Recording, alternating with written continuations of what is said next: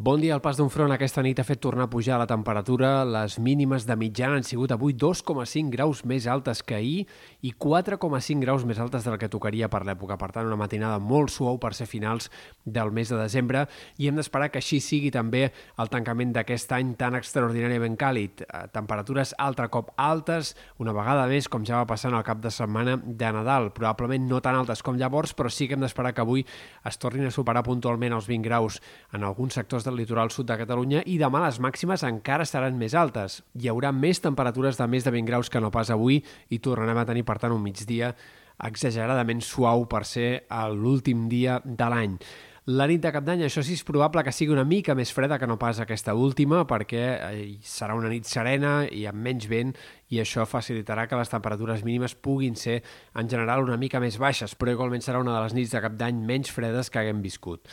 A partir d'aquí sí que però començarem una baixada dels termòmetres que farà que arribem a Reis amb un ambient més raonablement d'hivern. No esperem un fred viu, un fred intens,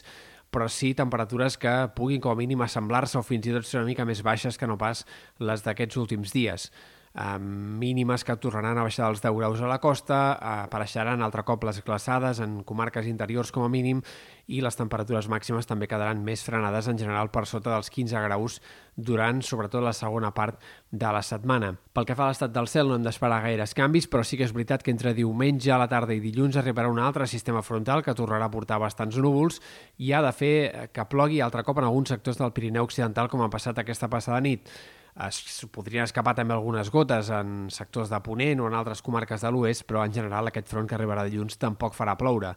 I la resta de la setmana no hi ha possibilitats de nous canvis de temps. Arribarem a Reis sense més novetats i, per tant, amb poques perspectives que puguin arribar pluges o nevades abans del 15 de gener. Potser sí que a partir del l'inici de la segona setmana de gener començarien a arribar algunes nevades al Pirineu, però a la resta ens hem de mentalitzar que és poc probable que torni a ploure com a mínim fins a mitjans del primer mes de l'any.